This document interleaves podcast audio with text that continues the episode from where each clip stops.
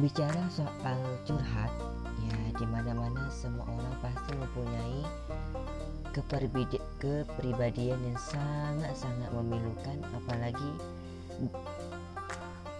saat-saat yang bergembira.